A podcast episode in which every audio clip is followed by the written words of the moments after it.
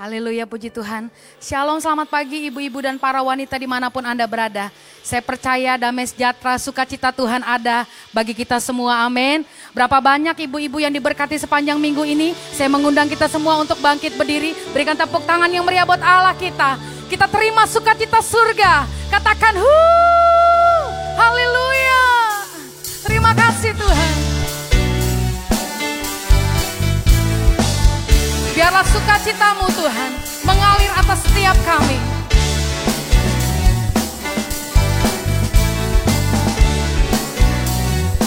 Mari bersama katakan, terima sukacita surga, itulah kekuatan bagi jiwa. Ku dapat rasakan kasihnya di tengah badai yang bergelora. Terima sukacita surga. Itulah kekuatan bagi jiwa. Ku dapat saksikan kuasanya. Taklukkan badai yang bergelora. Haleluya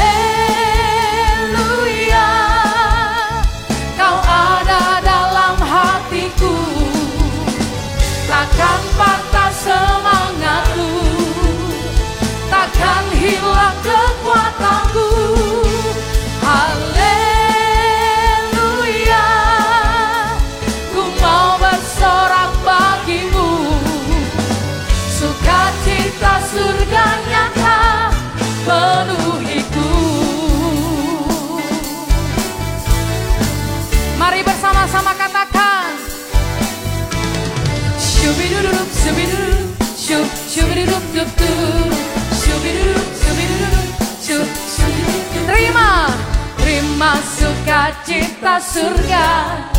Itulah kekuatan bagi jiwa. Ku dapat rasakan kasihnya Di tengah badai yang bergelora. Terima sukacita surga Itulah kekuatan bagi jiwa. Ku dapat saksikan kuasanya. Taklukkan badai yang bergelora. Haleluya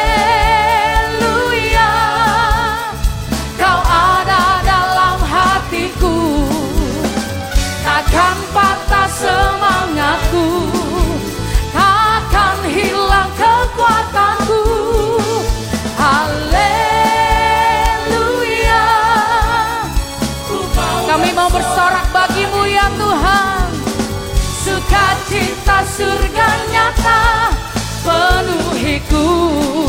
Mari bersama-sama melambaikan tangan. Haleluya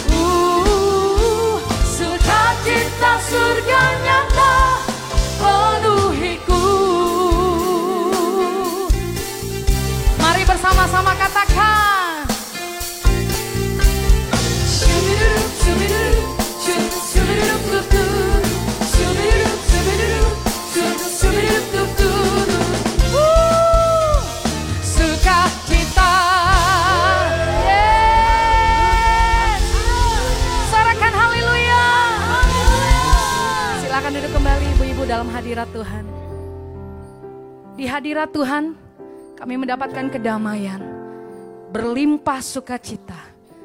Terima kasih ya Tuhan. Terima kasih Tuhan Yesus. Kami percaya sukacitamu ada di tempat ini Tuhan. Di mana pun kami berada, kami merasakan kehadiranmu ya Tuhan. Di hadiratmu,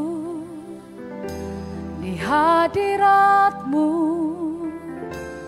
ku dapat kedamaian. Di hadiratmu, di hadiratmu, berlimpah sukacita.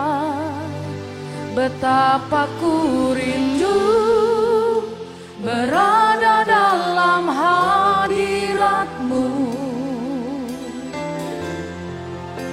Dan ku tersungkur untuk menyembahmu. Ku cinta kau Tuhan. Ku cinta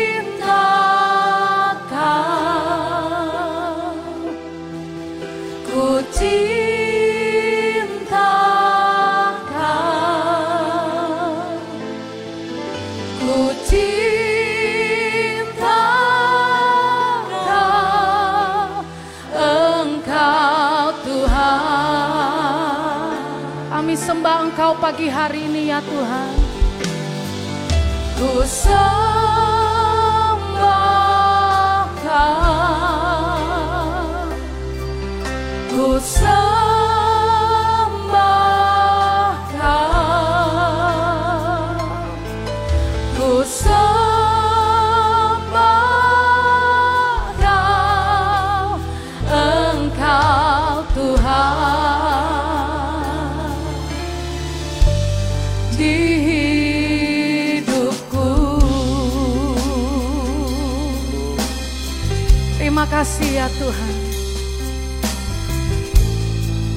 hadiratmu kami dapatkan kedamaian ya Tuhan.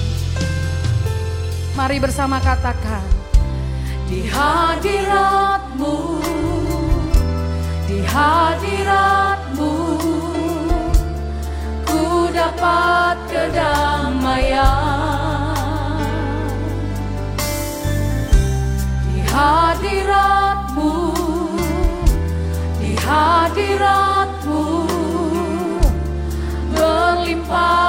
sukacita. Betapa ku rindu berada dalam hadiratmu. Dan ku tersungkur untuk menyembahmu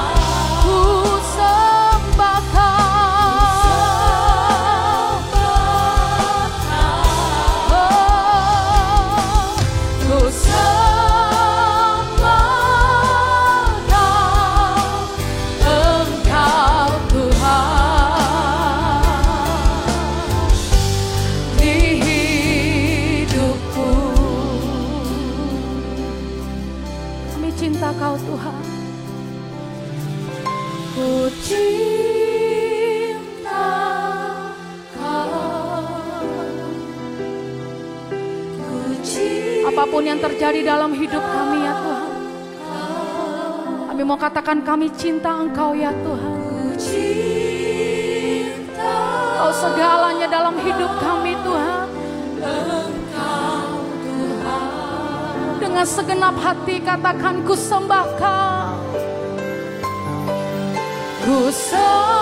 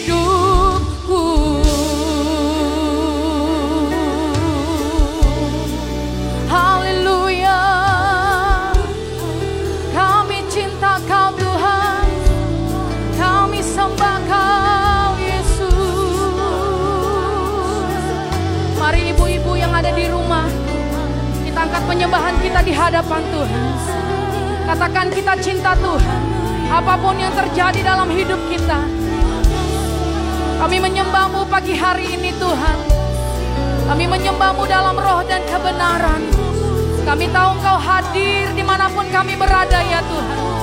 Oh Yesus,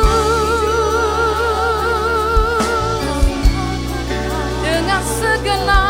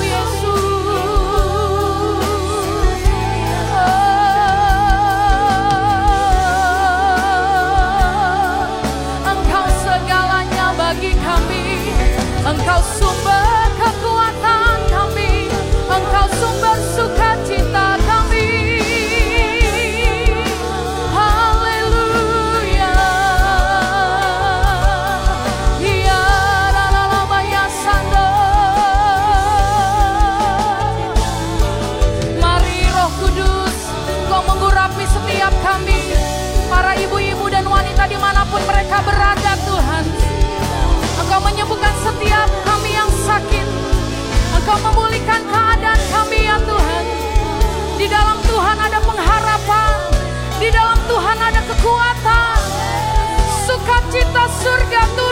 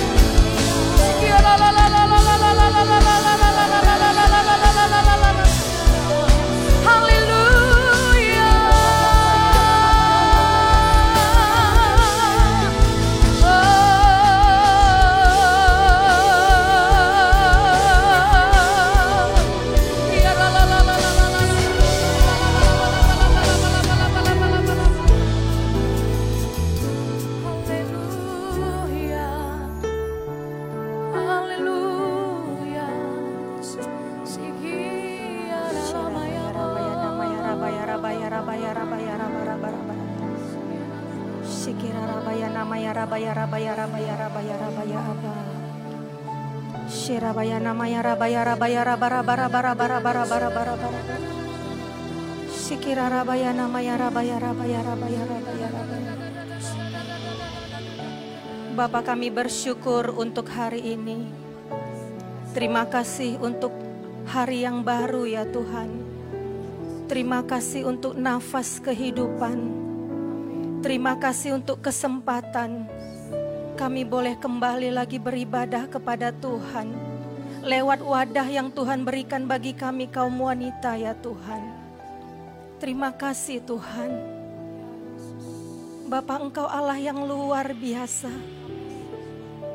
Perlindunganmu yang sempurna ya Tuhan. Pertolonganmu yang tepat pada waktunya.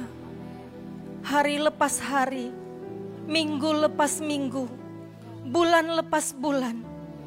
Dan keberadaan kami saat ini pun semua oleh karena anugerah Tuhan.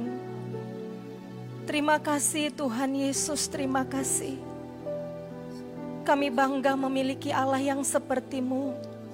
Kami bersyukur Tuhan memilih kami menjadi anakmu. Sehingga kami layak memanggilmu ya Aba, ya Bapa. Terima kasih Tuhan. Siapakah kami ini ya Tuhan? Begitu berharga hidup kami di hadapan-Mu ya Aba. Engkau memelihara kehidupan kami dengan sempurna. Terima kasih Tuhan. Terima kasih Tuhan.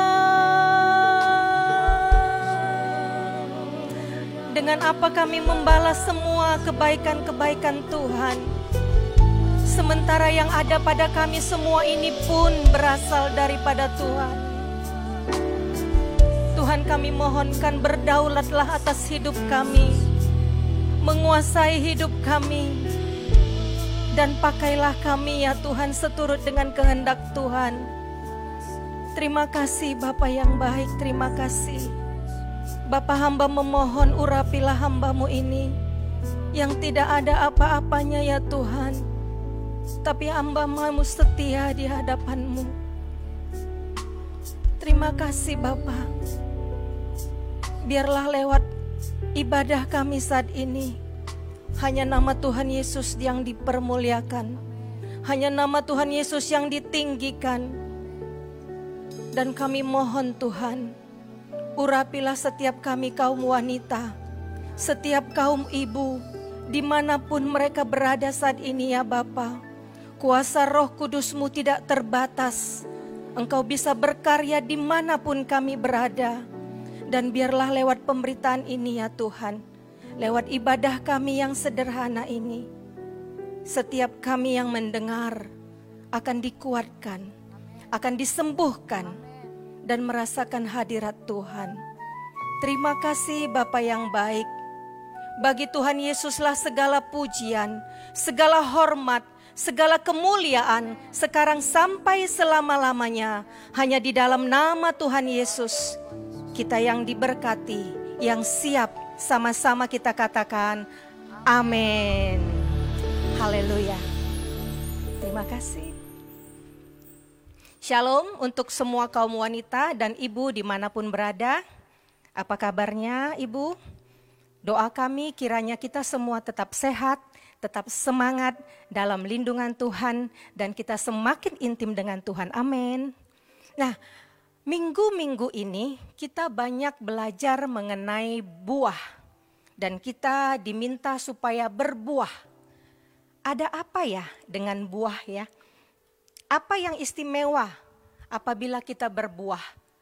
Nah, ibu-ibu dan kaum wanita, bila ada di pekarangan rumah kita pohon mangga, ya, dan pohon ini mulai berbuah, mulanya berbunga dulu.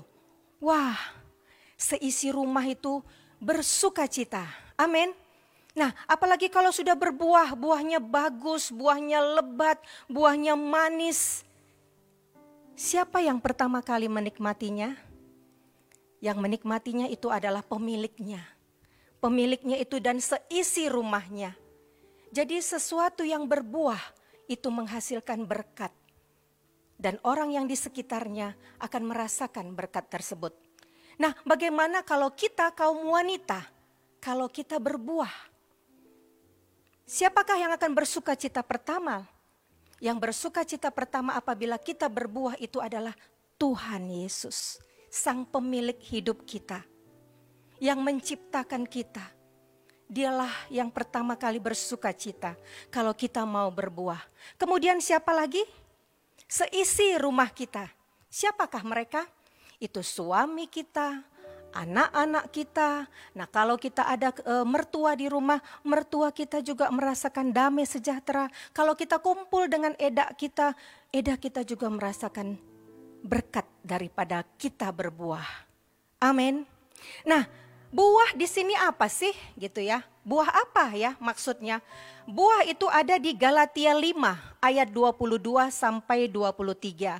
Tetapi buah roh ialah kasih, sukacita, damai sejahtera, kesabaran, kemurahan, kebaikan, kesetiaan, kemudian kelemah lembutan, penguasaan diri, tidak ada hukum yang menentang hal-hal itu.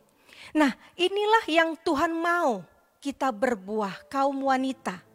Jadi, suami kita, anak-anak kita akan bersuka cita kalau kita berbuah. Dan pada saat ini ya, mereka di rumah terus ya.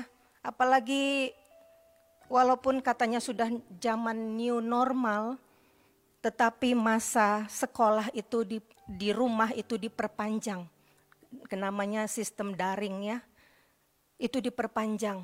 Nah, anak-anak akan bisa bosan, anak-anak akan bisa e, merasa bahkan bisa stres kalau dia mengalami hal-hal yang di rumah, terus kalau kita sebagai ibu tidak kreatif, tidak ada buah roh, ya. Tetapi kalau si ibu itu dipenuhi oleh buah roh, ya, menghasilkan buah, maka suami yang bekerja dari rumah pun akan mengalami sukacita. Amin. Nah, anak yang harus di rumah pun belum lagi boleh ke sekolah akan mengalami juga sukacita karena ibu yang memiliki berbuah Roh Kudus. Nah, ingat ya ibu-ibu, kita berapa kali belajar bahwa kunci suasana di rumah itu adalah kita, ibu. Kalau kita uring-uringan, kalau kita agak uh, banyak bicara gitu hal-hal yang tidak penting ya, itu yang boring itu mereka. Tetapi kalau kita dipenuhi oleh Roh Kudus, kita dipenuhi oleh kasih, kita ada sukacita, kita ada damai sejahtera, maka itu akan dinikmati oleh orang-orang yang akan di sekitar kita. Amin.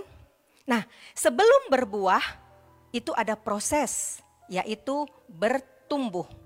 Bertumbuhnya bagaimana? Karena bertumbuh banyak ya, banyak bertumbuh. Dan bertumbuh di sini adalah bertumbuh di dalam Tuhan. Bertumbuh di dalam Tuhan itu ada caranya, ada dua.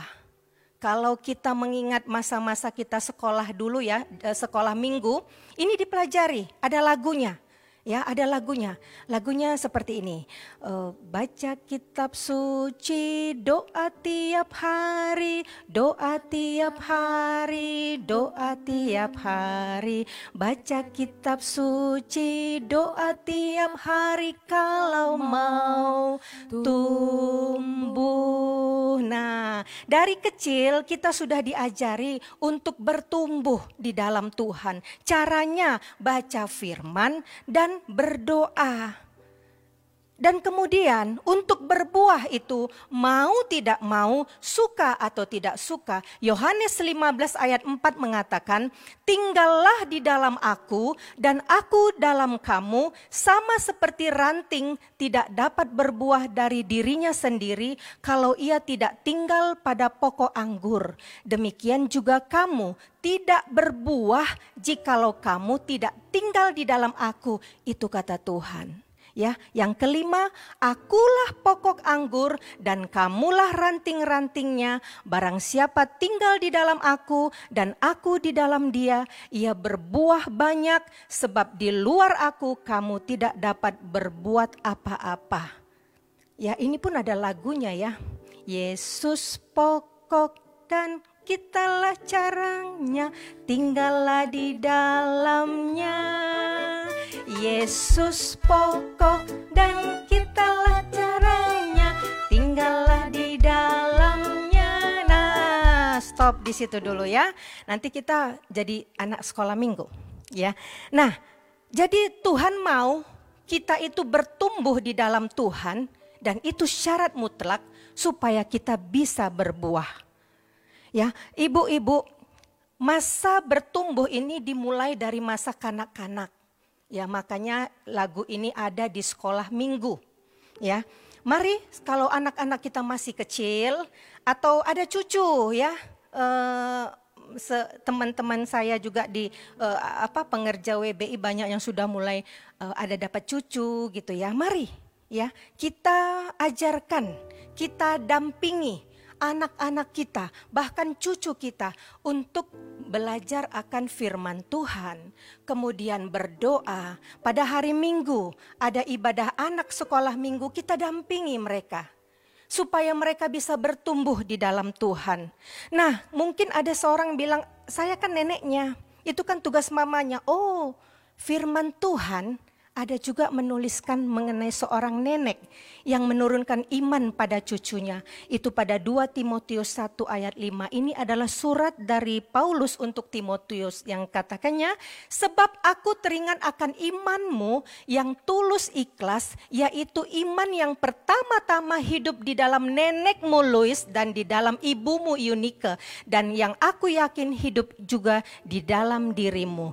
Nah, kita seorang nenek pun itu bisa berperan dan firman Tuhan mencatatkan hal itu. Jadi mari kita ajarkan anak-anak kita bertumbuh supaya mereka berbuah. Ibu-ibu yang terkasih, anak-anak jangan kita anggap tidak bisa stres. Akhir-akhir ini anak-anak bisa mengalami stres.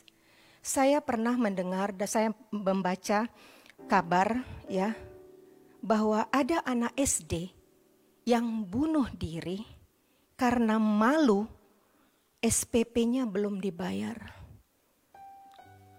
Anak ini bertumbuh, tetapi imannya tidak. Sehingga dia tidak bisa mengatasi rasa malu. Tetapi bagi anak-anak yang bertumbuh di dalam Tuhan, mereka akan tahu, mereka akan berdoa, karena di sekolah minggu akan diajarkan doa untuk papa, doa untuk mama. Dan anak-anak yang bertumbuh di dalam Tuhan adalah anak-anak yang kuat. Anak-anak yang mampu mengalami situasi apa pun karena roh kudus ada padanya. Nah kemudian baru-baru ini kita juga mendengar kabar bahwa ada anak-anak yang mencuri HP. Kenapa? Karena dia mau sekolah tidak ada HP karena saat ini semua pelajarannya melalui handphone ya, eh, sistem daring tersebut, sistem Zoom. Jadi dia tidak punya alatnya. Nah, dia tidak bisa, tidak tahu, tidak ada jalan keluar. Dia hanya tahu mengambil dengan hal yang tidak diketahui orang yaitu mencuri. Tetapi bila anak-anak yang diajarkan bertumbuh di dalam Tuhan, mereka tidak akan melakukan itu. Karena dalam firman Tuhan akan diajarkan mencuri itu dosa. Amin. Yohanes 15 ayat 1 sampai 2 mengatakan, Akulah pokok anggur yang benar dan Bapakulah pengusahanya. Setiap ranting padaku yang tidak berbuah dipotongnya. Dan setiap ranting yang berbuah dibersihkannya supaya ia lebih banyak berbuah. Kalau kita berbuah ibu, Tuhan senang Kemudian Tuhan akan mengambil suatu tindakan, di sini dikatakan dibersihkannya.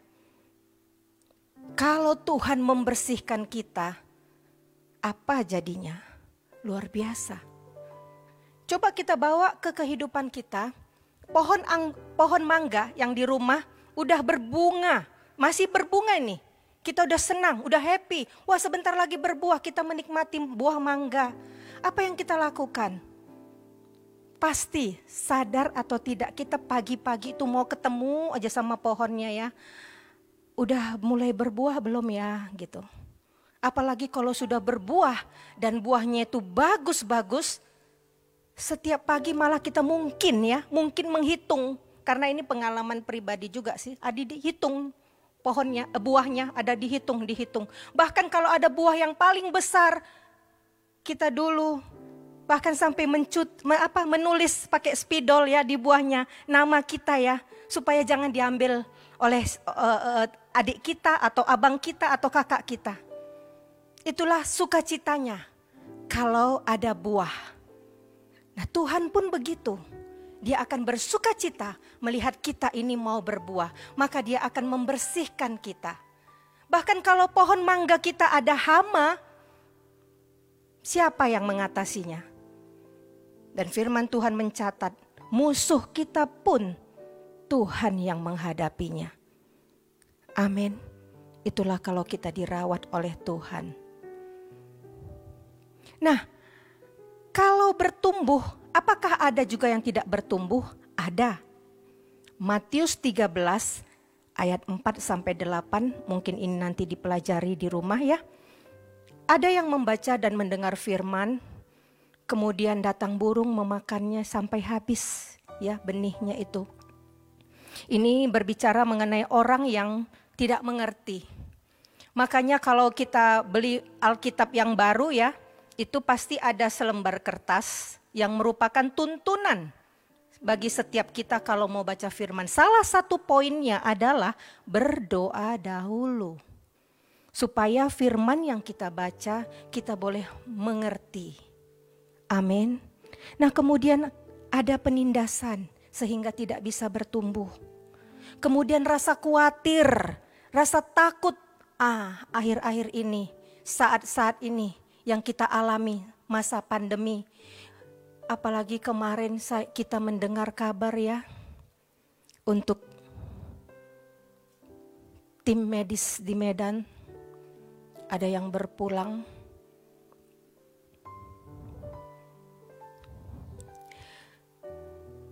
itu bisa menimbulkan rasa takut kita juga. Dokter kena Nah, ini pun bisa membuat kita tidak bertumbuh. Nah, yang ke, yang terakhir adalah yang mengerti. Nah, ini dia setelah berdoa, membaca firman, mendengar firman. Jadi kalau kita baca semua, ini semua tergantung dari hati kita dalam menerima benih firman tersebut. Kalau hati kita tulus, maka kita akan merenungkannya, maka kita akan melakukannya, maka kita akan bertumbuh dan berbuah lebat. Amin. Nah, kalau berbicara mengenai buah, adakah kita yang suka buah asam? Pasti tidak suka ya. Ada be mungkin beberapa ibu-ibu yang suka buah yang asam, yang masam mungkin dalam masa kehamilan ya, yang namanya ngidam ya, ngidam. Nah, tetapi tidak semua orang yang suka buah yang asam. Tuhan pun suka buah yang manis dan matang. Bagaimana mematangkan buah kita? Di Yakobus 1 ayat 2 sampai 4 mengatakan, Saudara-saudaraku, anggaplah sebagai suatu kebahagiaan apabila kamu jatuh ke dalam berbagai-bagai pencobaan sebab kamu tahu bahwa ujian terhadap imanmu itu menghasilkan ketekunan. Dan biarlah ketekunan itu memperoleh buah yang matang, supaya kamu menjadi sempurna dan utuh dan tidak berkekurangan suatu apa pun. Nah, jadi ketekunan itu mendatangkan buah yang matang. Jadi pada saat sekarang ini, ibu dan kaum wanita, dalam masa pandemi ini, kita banyak masalah. Mungkin masalah keuangan, ekonomi, mungkin masalah kesehatan, mungkin masalah dengan anak-anak. Tapi biarlah lewat semua masalah ini, kita semakin bertekun dalam doa, kita semakin bertekun dalam baca firman, sehingga kita melahirkan buah yang matang. Amin. Ada satu ilustrasi dari hamba Tuhan yang mem- memberkati saya.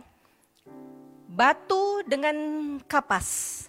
Apabila sama-sama dimasukkan ke dalam satu ember yang berisi dengan air, ya, kalau diangkat itu batu, itu beratnya sama. Sebelum dan sesudah dicelupkan, kita eh, timbang beratnya sama. Tetapi kapas yang kita masukkan ke dalam air, itu kita timbang akan ringan. Begitu masukkan ke air, kita angkat timbang dia akan lebih berat. Kenapa? Karena kapas itu menyerap air. Nah, apabila kita hancurkan, ya, batu akan pecah berantakan. Tapi kapas yang sudah ada airnya, kita hancurkan, dia tidak berantakan. Dia tetap menyatu. Nah, biarlah hati kita pada saat kita membaca firman, pada saat kita mendengarkan firman, hati kita itu menyerap. Sehingga apa pun masalah yang kita hadapi, goncangan apa pun yang kita lalui, kita tetap satu dalam Tuhan dan tetap berbuah. Amin. Berbuah bukan karena kita kuat, bukan karena kita gagah atau kita pintar, tidak. Tetapi dalam Yohanes 15 ayat 16 sampai 17 mengatakan demikian.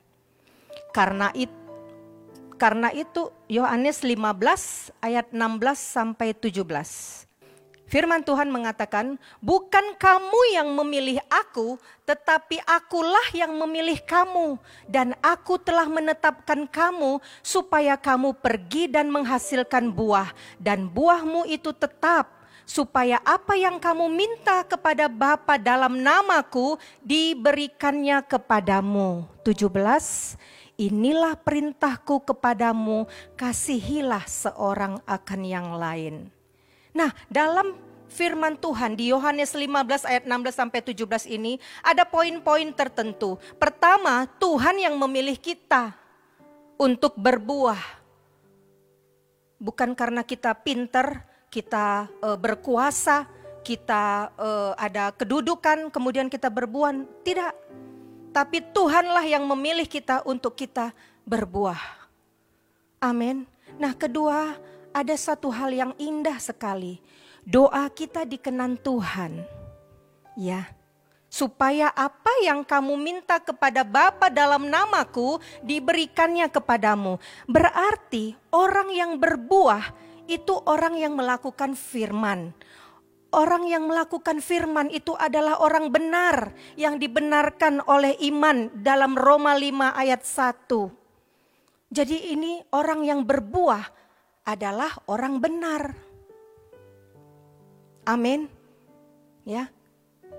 Dan pada orang benar ini banyak sekali berkat-berkat Tuhan yang anak cucunya tidak akan meminta-minta. Kemudian di Amsal 11 ayat 8 mengatakan orang benar diselamatkan dari kesukaran lalu orang fasik menggantikannya. Saat ini kita mengalami kesukaran, ayo kita berbuah dan kita akan dibenarkan oleh firman dan kita akan diselamatkan dari kesukaran. Nah kemudian Mazmur 32 ayat 11 juga mengatakan, Bersukacitalah dalam Tuhan dan bersorak-soraklah, hai orang-orang benar. Jadi sukacita itu milik orang benar. Bersorak-sorailah, hai orang-orang jujur. Kenapa dikatakan orang jujur? Karena dia melakukan firman. Dan dia orang yang benar, dibenarkan oleh imannya. Jadi luar biasa menjadi orang benar. Dan orang benar itu adalah orang-orang yang berbuah. Begitu spesialnya orang-orang yang berbuah. Dan saya bersyukur akhir-akhir ini kita diajarkan, dididik, di, dihimbau. Ayo mari kita berbuah dalam masa kesukaran tapi kita harus berbuah. Ternyata berbuah itu adalah orang benar. Dan berkat orang benar itu banyak sekali. Amin.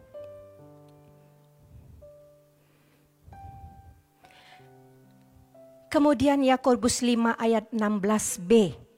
Ini yang luar biasa buat orang benar. Yakobus 5 ayat 16b. Kita baca dari awalnya aja ya.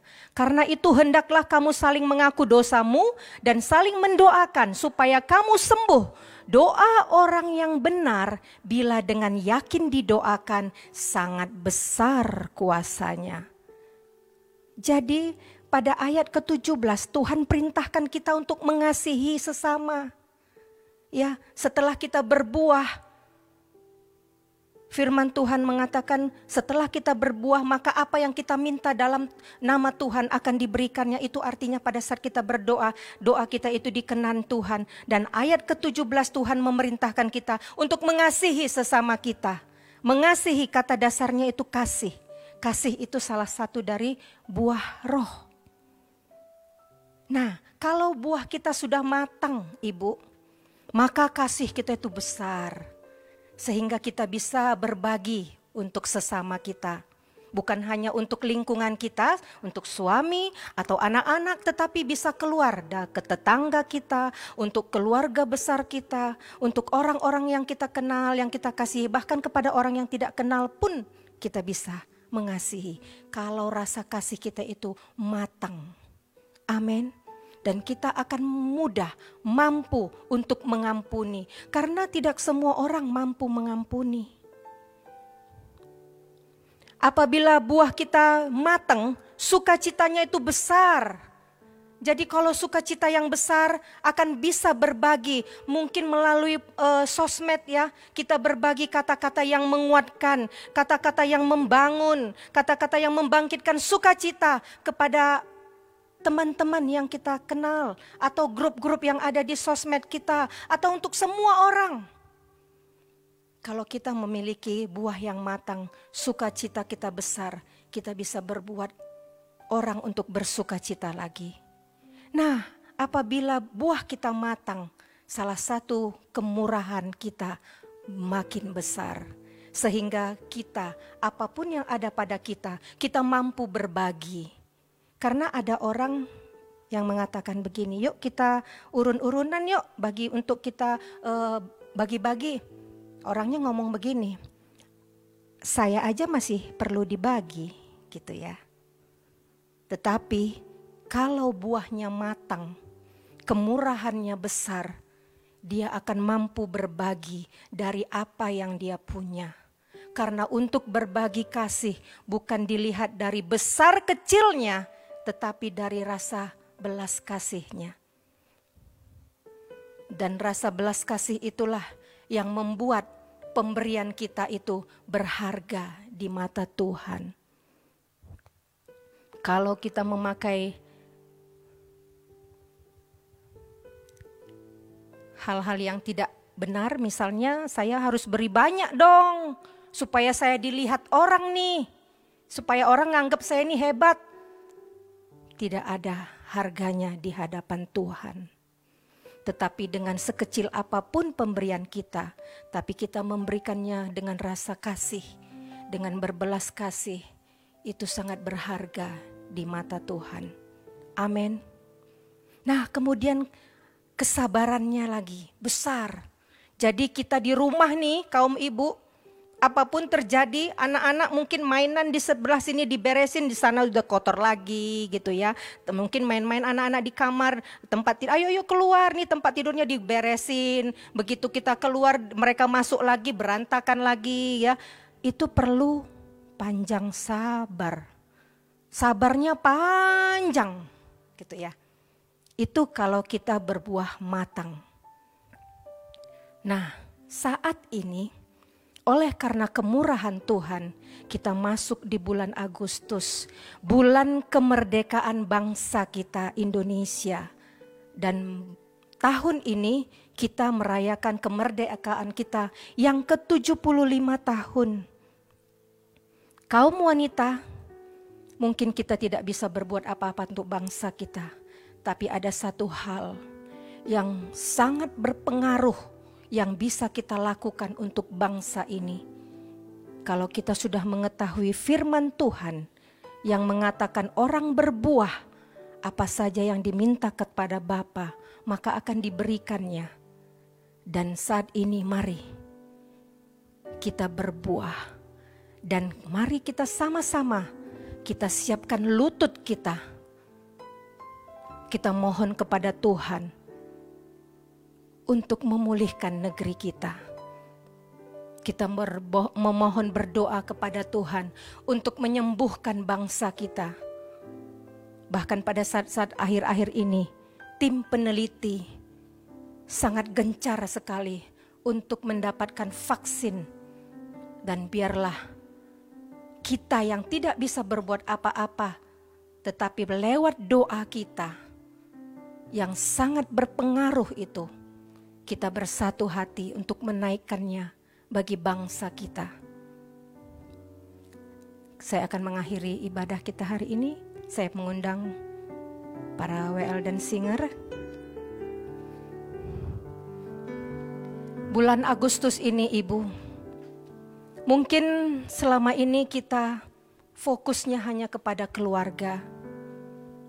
Tetapi pada saat ini saya menghimbau, mari kita sebagai wanitanya Tuhan. Seperti firman Tuhan mengatakan, berdoalah bagi kesejahteraan kota di mana kita ditempatkan. Dan kita pun harus ambil alih untuk saat ini. Tetapi ingat, kita harus berbuah karena kita sudah dipilih Tuhan. Dan biarlah lewat dari doa kita kepada Tuhan, bangsa kita disembuhkan, negeri kita boleh dipulihkan dari keterpurukan. Dan biarlah lewat doa kita dari rumah kita masing-masing, maka jayalah Indonesia. Apabila jaya Indonesia, maka keturunan kita nanti pun akan menikmatinya. Haleluya Yesus. Syukur untuk setiap rencanamu Ya Tuhan, dan rancanganmu Yesus. yang mulia. Kalau saat ini ada pandemi, dalam di negeri kita, itu tidak lepas dari rencana Tuhan. menjadi Tapi biarlah setiap kita boleh punya iman. Setiap rencana Tuhan indah pada waktunya untuk Indonesia kita. Dan biarlah kita melepaskan berkat untuk negeri kita. Untuk Indonesia yang kita kasihi. Tuhan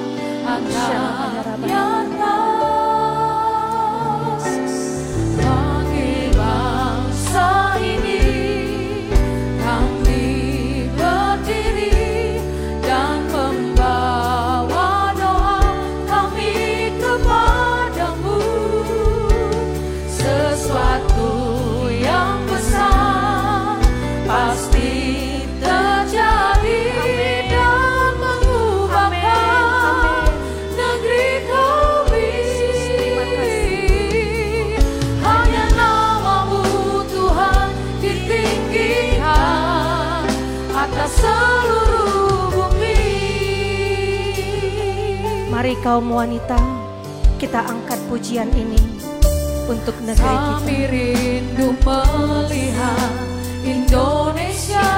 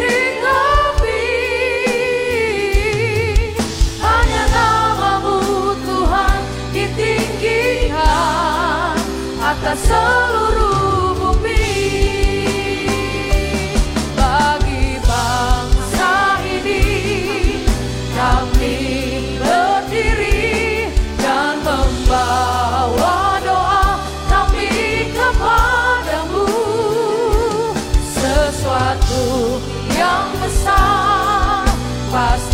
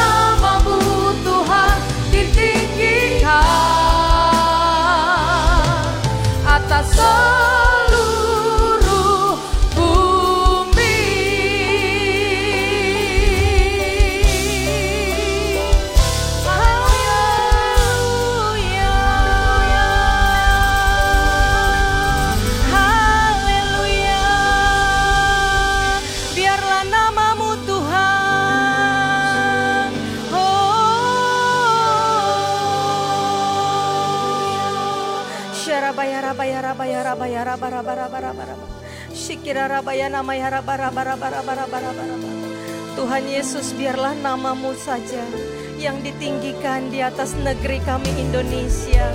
Tuhan pada saat ini kami bersyukur kami memasuki bulan Agustus ini Tuhan di mana bulan yang Tuhan anugerahkan bagi bangsa kami untuk kami boleh mengalami kemerdekaan ya Tuhan 75 tahun yang lalu kami sudah merdeka dari penjajahan ya Tuhan. Dan kami bersyukur sepanjang 75 tahun Tuhan. Tuhan menuntun memberkati negeri kami Indonesia. Dan pada saat ini ya Abah ya Bapa yang baik bersama dengan kaum wanitanya Tuhan. Kami mau bersatu hati. Kami menaikkan doa-doa kami untuk bangsa kami. Tuhan Yesus tolong bangsa kami Tuhan. Ampuni dosa pelanggaran bangsa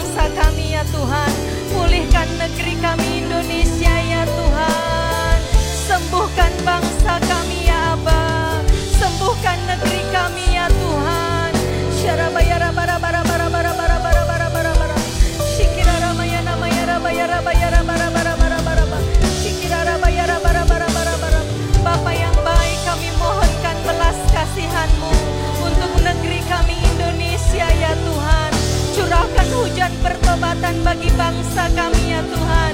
Sehingga setiap lutut akan bertelut Setiap lidah akan mengaku Engkau Yesus adalah Tuhan Yang berdaulat atas negeri kami. Tuhan terima kasih ya Abah Terima kasih Tuhan Yesus. Terima kasih Bapak Oh. Terima kasih Tuhan. Terima kasih. Terima kasih ya Abah untuk bangsa kami Terima kasih untuk Indonesia Tuhan. Berkatilah tanahnya Tuhan. Berkati airnya Tuhan.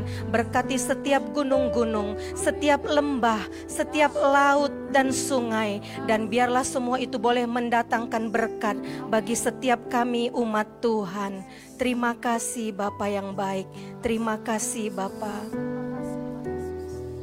Bapa yang baik hambamu telah selesai tetapi biarlah kuasa Roh Kudus Tuhan itu berkuasa atas kami, terus berkarya di dalam kami, sehingga hidup kami terus menghasilkan buah, dan buahnya manis di hadapan Tuhan.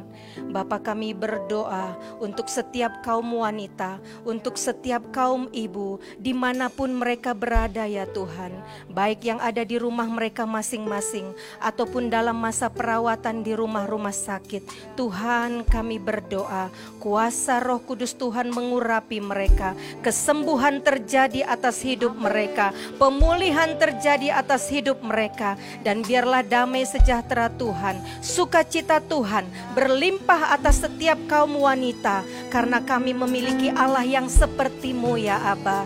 Terima kasih Tuhan Yesus. Kami berdoa untuk setiap keluarga demi keluarga, pribadi lepas pribadi.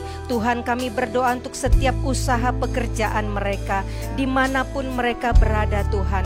Berkati berapa, berkati usaha mereka, jadikan mereka berhasil dan beruntung. Dan kami juga berdoa untuk para suami, untuk para anak-anak kami, di mana pun mereka berada Tuhan. Perlindungan Tuhan sempurna atas mereka mereka, keberhasilan menjadi milik mereka, damai sejahtera sukacita berlimpah di hati pikiran mereka. Terima kasih Bapakku yang baik. Biarlah keluarga lepas keluarga mengalami damai sejahtera, damai sejahtera yang berasal daripada Tuhan. Bapak kami juga berdoa dan bersyukur untuk pemimpin-pemimpin rohani kami ya Tuhan. Kami bersyukur untuk gembala sidang kami, Bapak Daniel Edi Prayitno Tuhan. Mari urapi hambamu ini, berikan kesehatan yang sempurna, perlindungan Tuhan yang sempurna. Berkati Ibu Intan dan kedua anak mereka, bahkan keluarga besar mereka ya Tuhan. Kami juga bersyukur untuk gembala pembina kami, Bapak Pendeta Bambang Yonan beserta Ibu dan beserta kedua anak anaknya dan seluruh keluarga besarnya.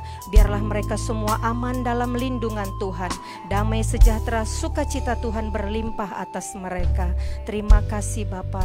Kami juga bersyukur untuk empat wakil gembala. Berkati kehidupan mereka, pakai mereka lebih lagi menyatakan kuasa kebenaran Tuhan Bapak kami bersyukur untuk setiap full timer yang ada, untuk setiap uh, pengerja yang ada, untuk seluruh cabang-cabang, untuk seluruh pos PI. Berkati setiap mereka Tuhan, pengerja-pengerja Tuhan, bahkan umat Tuhan yang Tuhan percayakan di gereja Tuhan di tempat ini. GBI Medan Plaza Tuhan, urapi berkati Tuhan. Biarlah dalam masa-masa sekarang ini mereka semua boleh berbuah dan mereka boleh bersuka cita karena Tuhan ada di dalam mereka. Tuhan kami juga bersyukur ya Bapak untuk setiap uh, hamba-hamba Tuhan yang ikut dalam mendukung ibadah hari ini ya Tuhan. Untuk tim multimedia, untuk imam-imam musiknya Tuhan, untuk WL dan singer Tuhan. Berkati hamba-hambamu ini Tuhan. Perlindungan Tuhan yang sempurna dan berkat Tuhan berlimpah atas hidup mereka dan pakailah mereka lebih lagi untuk kemuliaan nama Tuhan. Terima kasih kasih Bapa yang baik. Kami juga mengangkat pemimpin-pemimpin yang ada di negeri kami. Kami berdoa untuk Bapak Presiden kami ya Tuhan. Untuk seluruh para menteri, untuk seluruh para kabinetnya Tuhan. Dan aparat keamanan dari TNI Polri bahkan Densus 88 dan BNN kami. Kami berdoa hikmat Tuhan ada pada mereka. Perlindungan Tuhan sempurna atas mereka. Sehingga mereka semua boleh mampu menjalankan tugas mereka.